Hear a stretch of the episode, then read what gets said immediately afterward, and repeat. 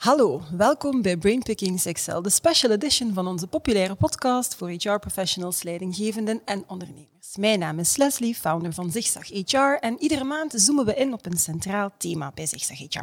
En deze maand is dat HR en HR Tech liever en digitalisering. En voor die gelegenheid hebben we ons vertrouwde printmagazine helemaal omgevormd naar een videomagazine. Integraal, digitaal, het topic dicteert de vorm, zeg maar.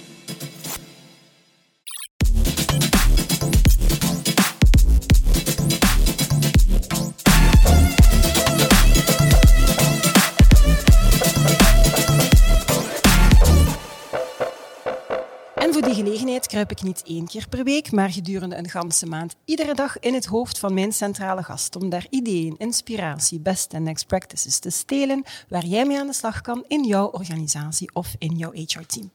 En zo'n special edition, dat vraagt natuurlijk voor een special location en daarom ben ik hier op bezoek vandaag bij November 5 in het heel mooie, en dat durf ik als Gentse ook wel eens zeggen, in het heel mooie Antwerpen. Ik kruip vandaag in het hoofd van Katrien Bekaert, Learning and Development Coach bij Good Habits. We gaan het in deze podcast hebben over de drie HR-trends die volgens Katrien schreeuwen om aandacht in tijden van digitalisering. People Analytics, Employee-Centric Approach en Talent Management. Bij Good Habits zien ze het leven in ieder geval als één groot leerproces. Hun ambitie, dat is persoonlijke ontwikkeling leuk en laagdrempelig maken. Voor iedereen, niet alleen voor de high potentials, want wie leert zit beter in zijn vel. Het is een visie die ze in 2011 op een bierveeltje hebben geschreven en inmiddels het fundament is van een gezonde, internationale, snel groeiende organisatie. En digitaal opleiden, dat is hun DNA. Ze maken alle trainingen ook in-house. En dankzij hun online trainingen, digitale tools en ondersteuning via coaching kunnen medewerkers leren wanneer ze dat maar willen.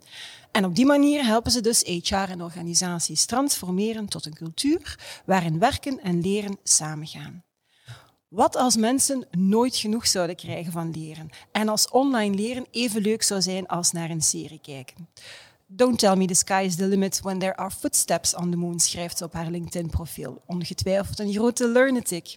Dag Katrien.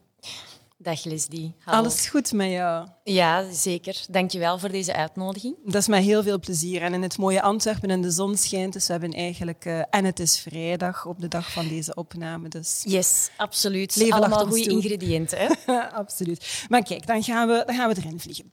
Um, ik heb ondertussen al een aantal van jouw uh, collega's ontmoet. Ik ben ook al uh, in het hoofd van Nouri, jullie country director, mogen kruipen. En wat dat jullie allemaal gemeen hebben, hoe kan het ook anders, denk ik dan, is dat jullie enorm gepassioneerd zijn door persoonlijke ontwikkeling en allemaal heel ja, positief ingesteld ook. Wat maakt dat jij zo in je element bent bij Good Habits? Dat is eigenlijk een, een, een, mooie vraag, vind ik, om mee te starten. Mhm. Ehm, ik moest eigenlijk terugdenken aan uh, mijn 18-jarige uh, eh, leeftijd, toen ik mijn eerste training ben gestart binnen persoonlijke ontwikkeling. Dat was een NLP-training. Mhm. En ik herinner mij nog dat ik daar op, uh, ja, voor de deur stond en ik stapte binnen en ik was eigenlijk de jongste telg, 15 mhm. jaar jonger dan de eerstkomende. Wow, En ik weet dat ze toen tegen mij zeiden van Katrien, hoe zalig is dat je op zo'n jonge leeftijd eigenlijk met je persoonlijke ontwikkeling aan de slag kunt gaan? Hè? Ja. En eigenlijk heeft dat een enorme imprint in mij gehad, dat ik zoiets had van... Uh, en dat is wat Good Habits eigenlijk ook doet. Hè. Uh, mensen toegang geven tot die persoonlijke ontwikkeling. Mm En ik, ik zelf vind dat heel sterk uh, om daar een deel van te kunnen uitmaken. Hè. Nu, persoonlijke ontwikkeling, dat zit ook in mijn DNA, denk ik. Mm -hmm. Ik ben nog altijd bezig met heel veel verschillende soorten trainingen. Ik denk dat dat een stukje komt omdat ik een intrinsieke um, ja, uh, behoefte heb aan mm -hmm. efficiëntie. Hè, dingen mm -hmm. uh, zo goed mogelijk uh, te verbeteren. En ook dat vind ik wel sterk terug bij Good Habits. Ja. Dat ze uh, een heel sterk evenwicht kunnen vinden tussen kwaliteit, um, fun mm -hmm. en vooral ook dat maatschappelijke ja. de visie en de missie om iedereen toegang te geven tot de mogelijkheid om zichzelf, of de beste versie van, van zichzelf, zichzelf, te worden. Ja, ja, Niet onbelangrijk dat maatschappelijk aspect, want je hoort dat effectief meer en meer terugkomen. En de organisaties toch die maatschappelijke rol opnemen. En yes. dat zit bij jullie echt wel verweven in, in wat jullie concreet doen. Ja, yes, klopt. Ja. Mooi. Ehm, er zijn drie trends. Ik had het in de, in de korte intro ook al aangegeven. Drie trends die volgens jou echt wel schreeuwen om aandacht en die een heel grote digitale impact hebben op organisaties en op HR. En de eerste is, is people analytics. Nu, ik ken persoonlijk heel weinig HR-professionals die echt enthousiast worden van data-analyse. Nochtans is capteren en interpreteren van data zeer zinvol en zal HR toch wel een beetje moeten evolueren naar, of heel sterk moeten evolueren mhm. naar een meer data-driven aanpak. Um, misschien eerst om af te bakenen, people analytics. Wat, wat, versta jij daaronder als we het erover hebben? Ja, goede vraag. Um, ja, People Analytics bestaat al langer. Hè, dus mm um, ik denk voor veel mensen HR Analytics, Workflow uh, uh, Analytics of Talent Analytics. Dat zijn allemaal benamingen die um, onder de, uh, hetzelfde fenomeen benoemen, misschien iets meer niche benoemd zijn. Mm -hmm. Wat is People Analytics voor mij? Eigenlijk het verzamelen van data. Die data wordt informatie en die informatie zo gaan interpreteren dat je daar slimme business choices uit kunt maken. Mm -hmm. mensendata. Hè. Ja. Nu, um, we hebben heel lang al data verzameld, maar ik denk wel dat er een aantal, um, zeker de laatste vijf jaar, een aantal um, redenen zijn waarom het meer en meer tot populariteit wint. Hè. Mm -hmm. Een eerste zaak is dat we makkelijker data kunnen gaan creëren. Hè. Mm -hmm. Er zijn digitalisaties, er zijn uh, slimme gebouwen die aan gecreëerd worden. Op alle mogelijke manieren wordt er vandaag data gecreëerd. Ja. Uh, een tweede strekking, denk ik, die maakt dat het vandaag meer en meer aan populariteit wint, is omdat uh, de programma's die we vandaag hebben, supercomputers, die kunnen zoveel data analyseren. Hè? Mm -hmm. Dus het wordt makkelijker om te gaan interpreteren. Mm -hmm. Maar anderzijds, binnen HR-teams zijn er meer, uh, is het meer bereikbaar om een training te volgen om ook effectief met die interpretatie aan de slag ja. te gaan. Hè? Mm -hmm. um, je zegt het zelf, het is niet altijd heel geliefd bij mensen. Ik zeg vaak ongekend onbemind. Hè? Uh, maar door het feit dat er meer bereikbaarheid dat het meer efficiënter is. Um, geloof ik ook dat het aan populariteit wint. En niet te, niet te vergeten of te verwaarlozen de ROI. Hè. Ja. Um, meer en meer bedrijven beginnen echt wel te beseffen wat de return of, of investment is door data-driven te gaan werken, people mm -hmm. analytics, mensendata echt te gaan interpreteren. Ja. Mm -hmm, Oké. Okay. Zeg, en uh, data, als het dan heel specifiek gaat over de data die HR dan kan of moet verzamelen, welke zijn dat dan minimaal? Welke gegevens moeten zij dan minimaal kunnen capteren? Wel, minimaal. Um, ik denk dat dat een moeilijke is om daar zo direct op te antwoorden. Er zijn uiteraard een aantal hoofdpijlers binnen HR. Hè. Je hebt uh, recrutering, je hebt de retentie, je hebt talentmanagement. Uh, alles is nichegevoelig. Hè. Elke cultuur heeft een intrinsieke behoefte. Hè. En wat ik vooral wil doen naar onze partijen toe, is daarop nadruk leggen. Van kijk, uh, er zijn een aantal basispijlers. Maar ga vooral eerst eens een keer goed analyseren wat is nu de meest urgente behoefte dat er vandaag leeft ja. binnen jullie organisatie. Hè? Um, een mooi voorbeeld van een klant binnen retentiebeleid bijvoorbeeld. We hadden de vraag gesteld van oké, okay, um, hoeveel mensen zijn jullie vorig jaar, uh, hoeveel mensen zijn vorig jaar vertrokken? Mm -hmm. Die kon daar onmiddellijk uh, in data op antwoorden. Maar als ik dan de vraag stelde van hoeveel van die mensen waren echt een verlies voor het bedrijf, mm -hmm. dan konden ze daar niet op antwoorden. En als ik dan nog doorvroeg van ja, hoeveel mensen denk je volgend jaar te gaan verliezen, mm -hmm. hè, mhm. konden ze daar ook niet op antwoorden. Dus dat is ene pijler, retentie. Nu, voor mij, retentiebeleid vind ik een hele sterke om um, focus op te leggen, omdat dat heel vaak binnen een bedrijf een beetje de blinde vlekken mm -hmm. kan blootleggen. Mm -hmm. En uh, waarom spreek ik daarover? Binnen Talent, hè, onze opleidingen, uh, wij hebben cases bij klanten waarin dat we retentiebeleid, waarin dat ze die data in kaart hebben gebracht en dan um, trainingstrajecten hebben opgesteld, waardoor mensen die eigenlijk wouden vertrekken, toch zijn gebleven. Wauw, ja, oké. Okay. Yes. En dan ja. toont je effectief de waarde. Maar ik hoor exact. je zeggen, niet data verzamelen om te verzamelen, want alles verzamelt data. Gebouwen, ja. hè, dat je net uh, zelf zegt. Ja. Um, maar dat je, dat je een beetje het bedrijf een stuk gaat ondersteunen in het prioritiseren van oké, okay, welk, welk probleem willen we eigenlijk oplossen mm -hmm. en welke data hebben we daarvoor nodig om mm -hmm. dat probleem op te lossen en om proactief zelfs te gaan, uh, te yes. gaan werken. Mooie samenvatting. Okay. Ja. Goed. Um, ja, wat is dan de impact van die trend um, naar meer data gaan capteren op HR? Moet, moeten HR-professionals dan allemaal datawetenschappers worden? Ik denk dat het vooral heel belangrijk is dat, omwille van het feit dat het makkelijker toegankelijk is, hè, je kan een basisopleiding volgen online. Hè. Ehm, ik denk dat iedereen wel een bepaalde ehm, eh, connectie dient op te bouwen met data-driven werken. Het, is ook, het staat nog in de kinderschoenen, maar het gaat ook niet meer weg te denken zijn naar de toekomst. Hè. Dus zal het een skill zijn die nodig is voor elke ehm, participant in een HR-team? Ik denk een, een, een basis uh, kennis, ja. Moeten we masters worden? Daar geloof ik niet in. Ik denk dat het vooral belangrijk is om dat een organisch proces te laten zijn. Hè. Um, als het team zelf er nog niet onmiddellijk klaar voor is om toch zeker externe partijen aan te trekken die die expertise kunnen uh, binnenbrengen.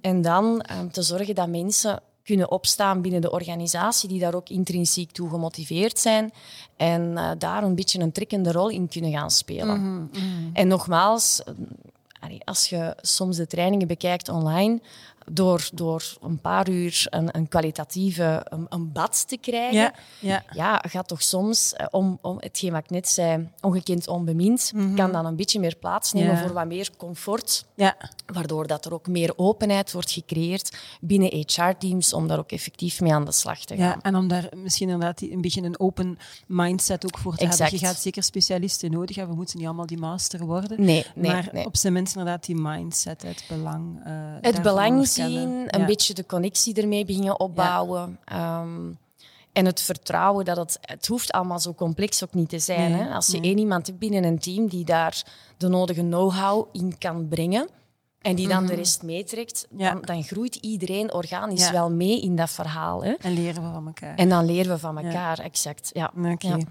Okay. Um, nu, ook via jullie platform wordt er dan waarschijnlijk heel veel data gegenereerd waar HR dan concreet mee aan de slag kan. Heb je daar eventueel een, ik weet niet, een case of een voorbeeld van, dat, om dat concreet te maken? Ja, ja, mm -hmm. ja zeker. Uh, meerdere cases mm -hmm. zelfs. Wat interessant is om te weten, is dat we een dashboard hebben dat op verschillende niveaus informatie gaat meegeven. Hè? -hmm. Um, ik merk vandaag dat ik heel vaak de roze bril moet opzetten, omdat data vaak emotioneel wordt geïnterpreteerd. Hè? Mm -hmm. En wat bedoel ik daarmee? Dus we hebben een dashboard, daar kunnen ze op zien van uh, hoeveel uren zijn er gestudeerd, hoeveel mensen zijn actief aan de slag, hebben hun account geactiveerd. Maar wat kunnen we ook zien? Hè? Hoe wordt er geanticipeerd op de communicaties vandaag? Hè? Ja. Wij adviseren onze klanten altijd van kijk, keep it top on mind. Mm -hmm. Als je iets lanceert, maar daarna is dat stil. Ja, mensen, het is niet prioriteit. Ja. Daar moeten we ons vaak bewust van zijn. Mm -hmm. Zeker omdat leren en werken vandaag nog te veel naast elkaar loopt ja. en niet geblind is. Hè? Dus als dat ook effectief het verhaal is, dan zeggen we van kijk, zorg dat je op regelmatige basis een zinvolle, interessante communicatie doet, die resoneert met uw doelgroep. Ja. Nu, wij kunnen dat allemaal heel mooi monitoren in ons dashboard, hoe dat daar dan op wordt geanticipeerd. Je kan dat zien door pieks in het gebruik bijvoorbeeld. Mm -hmm. Maar wat zie ik dan vaak bij onze partners? Als er dan niet onmiddellijk wordt gereageerd uh, vanuit het veld... Mm -hmm. Ja, uh, we doen dat wel, dat maandelijks communiceren, maar eigenlijk, ja, het werkt niet. Mm. Um, dat is een emotionele interpretatie. Hè? Ja. Wat is een non-emotionele interpretatie van misschien werkt de vorm van communicatie niet? Hè? Ja. Misschien is het interessant om eens te gaan nadenken, gaat het, rond, gaat het over timing? Um, gaat het over uh, de vorm? Hè? En dan zijn er nog een heleboel andere vragen mm -hmm. die wij als coach onze klanten kunnen gaan stellen. Nu, interessant in ons dashboard is dat we ook... We werken vandaag met vier leervoorkeuren. Ja. Um, dat betekent... Er is veel discussie, discussie of dat effectief bestaat, hè, leervoorkeuren. Mm -hmm. Maar we hebben lezers, luisteraars, mm -hmm. doers. En dan hebben we ook nog uh, lezers, luisteraars, doers. En we hebben de kijkers. Ja. Yes. Ja. En we kunnen ook um, uit de informatie gaan interpreteren welke leervormen het meest gevolgd worden binnen de populatie. Maar hoe kunnen we die data dan weer gaan gebruiken? Pak nu dat je altijd geschreven communiceert. Mm -hmm. Maar de top 5 geeft mee, hè, de eerste drie zijn video's en de twee daaropvolgende zijn doe. Ja, dan zou je daar... Ja, ja. Dan is dat bijzonder interessante ja. informatie om mee te nemen in je communicatielijnen. Ja. Voilà. En ik zou nog heel veel andere voorbeelden, mm -hmm. maar we genereren veel data. Uh, die inderdaad um, zowel mij als coach en onze klant in staat stelt om ja, de communicatielijnen, want die ja. zijn super belangrijk mm -hmm. om, om het product levendig te houden. dat is learner marketing. Hè? Ja, Uh, ja, ja, ja. koers, Ja. Om te zorgen dat die data zo kan geïnterpreteerd worden dat er echt een resonantie kan zijn Mhm. met de behoeften van de eindgebruiker. En Ja. dat kan bij ons op individueel niveau. Dus ze kunnen eigenlijk gaan kijken van wat doet een individu. Daar zeggen we wel vaak van kijk, no big brother. Ja. De intentie is om net empowerment van wie zijn de early adopters. Hè, hoe kunnen wij hen eh, gaan belonen Mhm. voor hun eh, adaptatie en de omarming van het product? Hoe kunnen we hen gaan inzetten als ambassadeurs? Hè? Eh, Dan hebben we het teamniveau. Hè. Mhm. Daar kunnen we heel veel... Ja, zijn er bepaalde thematieken binnen, binnen bepaalde groepen die meer leven? Hè. Mhm. Hoe kunnen we daar HR-trajecten op gaan afstemmen, bijvoorbeeld? En dan heb je het organisatieniveau. Wat zijn de top 10 van trainingen? Ja. Ehm, en hoe kunnen we opnieuw hè, daar, ik zeg maar iets, hè, als we zien dat er veel trainingen rond burn-out naar voren komen, stressmanagement, ja, dan, Dan moet kan- er een belletje gaan van... exact. Ja. En dat hoeft niet zwaar gemaakt te worden, maar dan kan een initiatief van het Week van het Werkgeluk Ja. of Week van het Vitaliteit Ja. wel eens ehm, heel mooi geplaatst zijn om eh, dan neer te zetten als initiatief binnen een bedrijf. Ja, oké. En ik, ook een heel belangrijke dat ik onthouden heb ehm, van jou, Katrien, is dat de, de data niet emotioneel gaan interpreteren. Niet onbelangrijk. hè. Dat is ongelooflijk ja, belangrijk, ja. want ik merk heel vaak bij klanten dat ik heel vaak die bril moet Mhm. opzetten. Hè? Ja, ja. Ja, ons verbruik is niet goed. ja. Terwijl, ja, als je vertrekt met een, met, een, ehm, met een doelgroep die nog nooit met online leren heeft gewerkt, Mhm. die daar tout court ook nog eens een heel klassieke leercultuur gewend is, dan zou het bijna allee, eh, onrechtvaardig zijn om van hen te gaan verwachten dat ze Dat daarvan dat- in het begin ja. opspringen. Dan vind ik het eerder rechtvaardig om die doelgroep de tijd te geven.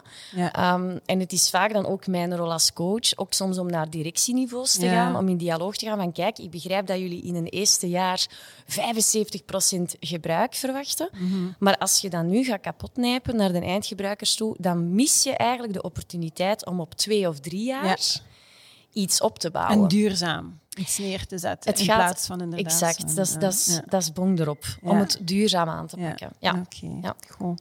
Ehm, ja, 2020 is op, op zijn zachtst gezegd een uitdagend jaar geweest. Dat ben een boetade, als ik mezelf dat hoor zeggen. Continu veranderingen, geen perspectief. Hè. Dus bedrijven, medewerkers moesten keihard werken.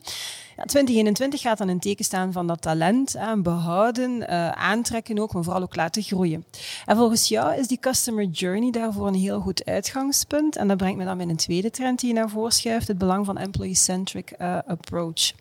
Wat bedoel je daarmee? Employee-centric approach. Laat mij eerst even kaderen. Dat is een hele persoonlijke perceptie, laat dat duidelijk zijn. Maar dat ik wel geloof dat er echt een gedragsverandering aan de gang is bij de mensen, die ook gewoon maatschappelijk wordt gecreëerd. We worden, ehm, ik durf het bijna niet zeggen, maar een beetje lui gemaakt. hè. Dus er komt zoveel informatie vandaag op ons af. En ehm, als we bepaalde dingen niet willen zien, hè, reclame, we skippen dat door. Als iets ons niet interesseert, eh, pff, we zetten het af. Dus ja, dat is eigenlijk, we worden geconditioneerd om de dingen die ons boeien, om daar onze focus op te leggen. Dat is ook een natuurlijke reactie, want we, worden, we worden overladen. Hè. Ehm, anderzijds hebben we het allemaal ongelooflijk druk. Als ik vandaag zie, ik heb, ik heb, behoorlijk, wat, ik heb behoorlijk wat partners in, ehm, in mijn portefeuille. Grote spelers, kleine spelers, een enorme diversiteit daar ook in ja, het is misschien risky om uit te spreken, maar ze verzuipen bijna allemaal in het werk. Bijna. Dus wat maakt ook dat mensen een natuurlijke reactie gaan hebben om te zeggen van oké, ik ga hier heel bewust mijn prioriteiten stellen en zorgen dat hetgeen waar ik mij mee bezig hou, dat dat ook zinvol is voor mij. Vanuit die twee zaken, hè, er is een gedragsverandering en het, we hebben het druk, vind ik dat niet meer als normaal dat we de focus dienen te gaan leggen op het feit van wat heeft het individu nu nodig en wat is zinvol voor Ja. het individu om daar zijn kostbare tijd in te gaan investeren. En dat is mijn persoonlijke perceptie van die centric approach. Ja, oké, zinvol. Een paar keer benoemd, zeer belangrijk. Ehm, ja, de impact van die trend dan op de rol die HR heeft in een organisatie. Wat betekent dat dan voor de mindset en de skillset van een HR-professional? Ehm, ik denk dat het vroeger vooral het, het grotere kader was. Hè. Er werd op organisatieniveau nagedacht, op teamniveau. Hè. Vandaag zie ik heel vaak gebeuren bij bedrijven dat ze meer vanuit dat individueel niveau, ook vanuit je data-driven informatie gaan verzamelen die informatie weer goed gaan analyseren en dan hè, ehm, op, op, op die drie verschillende niveaus de juiste acties gaan inzetten op basis van urgentie. Hè. Ja. Ehm, als dat vandaag nog niet echt gebeurt, dan zien we dat we mensen vaak niet meekrijgen. hè. Omdat ze zich inderdaad niet aangesproken Nou, er, er wordt geen connectie Ja, nee. gemaakt met hun intrinsieke behoeften, dus eh, met hun interessevelden. Dus die mensen worden gemist. En ehm, dat hoeft op zich niet altijd. Allee, het is ook gewoon, we zitten in een continu leerproces. Hè. Ehm, maar ik denk dat dat wel een hele belangrijke is om daar rekening mee te houden binnen een HR-team. Dat, je, dat, je, mm, dat het niet meer is zoals zelfs vijf of tien jaar geleden. Nee. Hè. Dus er waren heel veel HR-matrixen toen, hè, die heel veel informatie in kaart brachten. Voor mij hoeft het ook niet per se complexer te zijn, hè, want het directe contact met het, eh, met het individu dat kan heel krachtig zijn. Natuurlijk, de leidinggevenden krijgen daar een, een belangrijke Ja. rol in ook. Hè. Ja. Ehm, en daar merk ik binnen bedrijven dat er nog wel wat stappen te zetten zijn, omdat net door die twee tendensen, en dan heb ik het over hè, de drukte en de, de, de- het eigen belang, zo'n beetje, merkte ook vaak dat mensen zich er een klein beetje achter beschermen. Ja. Hè? Ja. Als leidinggevende van ja, hè, ik heb nu geen tijd. En, ja, maar dan blijf ik altijd hameren op het feit, verzamel eerst de, de, de behoeftes en analyseer die goed en bepaal de urgentie. Ja. Maak uw projecten waar dat je mee start klein. Als die succesvol zijn, dan gaat dat sowieso beginnen Ja. leven. Het hoeft niet altijd groots te zijn, maar laat het vooral resoneren met een eindgebruiker. En dan gaat Ja. het inderdaad doen mij denken aan een concept dat ik eh, een paar jaar geleden heb. De little, eh, little contagious pockets of excellence of zoiets. Kleine experimenten die Mhm. heel klein zijn en beheersbaar zijn, die je inderdaad, maar die zo'n succes zijn dat ze besmettelijk zijn. En dat gelijk Exact. het virus, hè, momenteel. Ehm, maar dat andere mensen zeggen, oh, ik, ik wil dat ook. En dan creëert je goesting. En zo kan het heel vaak ook wel beginnen werken. Hè? Ja, ja. en niet meer vanuit een algemene visie, maar echt vanuit een algemene overtuiging van oké, dit is belangrijk, laten we een oproep doen en zo mensen Ja. gaan laten opstaan die zoiets hebben van hé, hey, ik Ja. wil hier zelf mee aan de slag. En die olievlek die verspreidt zich dan ja. wel. De beste ambassadeur is iemand die, die 100% overloopt van, Ja. van, van allee, de overtuiging dat, dat het goed was of goed Ja. is. Hè. Absoluut, zeer besmettelijk. Ja. Ehm, nu, dan, eh, hoe helpen jullie dan heel concreet bedrijven dan om, om dat inzicht te verzamelen? Eh, hoe, hoe gaat dat in zijn werk? Ja, Ehm, ik denk dat wij als coach daar een cruciale rol in hebben vanuit onze rugzak, dat wij vooral de juiste vragen stellen. Ik stel Ja. heel veel vragen Ja. altijd aan mijn, eh, mijn klanten, mijn partners. Maar ik denk als tool zijn, en daar wil ik ook wel even een dikke pluim naar ons development team geven en zeker ook marketing. Ehm, wij hebben eigenlijk vandaag een tool ontwikkeld, dat noemen wij de Good Scan. Hè? En wat is dat eigenlijk? Dat is een zelftest, noemen we dat. Waarin mensen op een 10 à 12 minuten een resultaat krijgen van wat, welke 10 trainingen zijn voor jou binnen jouw aanleg, motivatie ehm, en interessevelden het meest interessant om onmiddellijk mee aan de slag te gaan. Ja. Wat krijg je dan? Keuzestress wordt geëlimineerd. Hè? Want er komt een onmiddellijk ehm, Ja. individueel leeradvies. En dat is voor individuen vaak heel belangrijk. Want wat merken wij als wij vandaag een product, allee, ons product neerzetten bij bedrijven? Dat mensen vaak zoiets hebben van ehm, meer dan ik? 100 Ja. trainingen, waar begin Ja. ik aan? En ook, zelfs in alle transparantie, ik vind het allemaal wel goed en wel, maar ik heb dat niet gevraagd. Dus Ja? wat verwacht je Ja. nu eigenlijk van mij? I get it. Ik versta dat ook. Hè? Dus die een test, 10 minuten, ehm, toegankelijk. Wel belangrijk om te weten, dat is wetenschappelijk onderbouwd, Mhm. gemaakt door psychometristen. Eh, de Great Eight en de Big Five, dat zijn twee modellen die eigenlijk ehm, de, de, de Great Eight is ehm, een model dat in kaart brengt wat voor werknemer ben je. Mhm. En de Big Five is een persoonlijkheidsmodel. Die worden vandaag gebruikt in eh, assessments. Ja. Maar wat is het leuke? Hè? Aangezien dat dan een kwalitatief sterke test is, voelen mensen ook dat het resultaat, de top 10, resoneert. Ja. Hè? Dus dat geeft vertrouwen. Ja. Bij de start van het product beginnen ze ook met die test. Dus dat is goed begonnen, half Ja. gewonnen. Hè? Absoluut. Anderzijds wordt er een, een pdf gegenereerd waarin dat mensen eigenlijk, als ze de behoefte hebben om meer zelfkennis op te doen, de verdiepte uitleg van die Great Eight en die Big Five kunnen terugvinden. Ja. Nu, ik had het er net over het individuele niveau. Hè. Maar dat geeft dan, als we de andere niveaus ook willen gaan aanspreken, alleen het resultaat van die Goodscan geeft een teamleider de mogelijkheid om in een evaluatiegesprek, Ja. maar voor niet alle teamleiders is het evident, begint er maar eens aan. Ja. Eh, zonder training in hoe coacht de mensen daarin. Dat rapport kan eigenlijk een hele mooie basis vormen om die dialoog aan te gaan en daar afspraken rond te maken. Ja. Dus om heel concreet één tool ehm even hier eh, te verduidelijken, is dat al Ja. iets waar wij ehm, vandaag onze klanten in ondersteunen. En En vooral de En eindgebruiker. de hè. eindgebruiker, inderdaad, what's in it for me, heel concreet, geen keuzestress. Ja, ja. Ja, en het, het, het zou mij alvast tot, tot, tot nadenken zijn van, ah, oké, bon, en er gaan misschien een aantal blinde vlekken in zitten. Het geeft ook vertrouwen. En ja, ja. En, en anderzijds een hele leuke case. ehm, we hadden een klant, dat was een leidinggevende, en die sprak mij tijdens een inspiratiesessie, eh, want dat hosten wij ook voor klanten aan. Ik heb de Goodscan gedaan en er kwam eigenlijk een, een, een, een opleiding uit, 365, maar ja, ik ben daar de expert in bij ons. Ik zeg, ja, eh, dus ik vind dat dan vreemd dat ik mij er nu nog in moet Ja. gaan. Ik zeg, ik wil u uitnodigen om het te doen. Hè.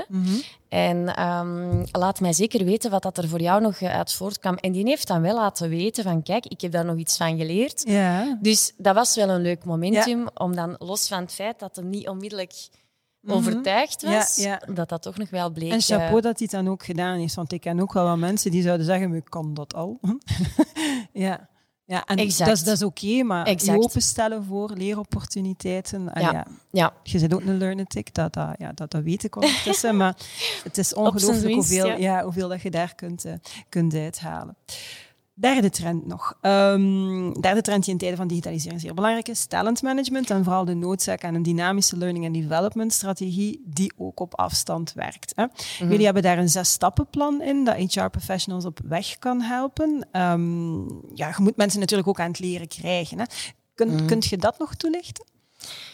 Ehm, ik ga dat proberen in een vorm van een case te doen. Mhm. hè. Dus als een klant bij ons start, dan is de eerste fase van identificeer hè, wie, wie is de eindgebruiker. En ik merk vandaag nog te vaak dat klanten daar niet altijd bij stilstaan. En die, die krijgen eigenlijk van bovenaf een cijfer van kijk, je krijgt één jaar, je mag blij zijn dat we toestemming hebben gegeven. Hè. Eh, Alsof het nog altijd niet belangrijk is om vandaag met online leren bezig te zijn, maar dat is de realiteit. Hè. Dus HR-teams hebben soms ook wel druk. Ja. Eh, druk van kijk, het eerste jaar willen wij 75% gebruikpercentage. Oké, dan zeg ik altijd tegen u van laten we eerst eens gaan identificeren wie zijn jullie. Hè? Hebben jullie een klassieke leercultuur of meer modern? hè? Ehm, hebben jullie ervaring met online leren of helemaal nog niet? Hè? En wat is de actiebereidheid? Laten we stellen dat we die data verzameld hebben. Hè? En de klant zegt tegen mij van, we hebben een klassieke leercultuur. We hebben nog geen ervaring met online leren. We zitten met een arbeiderspopulatie die eigenlijk geen toegang heeft via gsm. Hè? Ehm, en daarboven hebben we heel weinig tijd om daarin te investeren, want we zijn maar met drie. Ja. Dan moet ik de klant ontnuchteren en zeggen dat 75% in een Ja. eerste jaar Ja. on, on, onrealistisch is. Dus dat is dan de tweede fase, dat is het analyseren. Hè? Ja. Daar investeer ik vaak veel tijd in.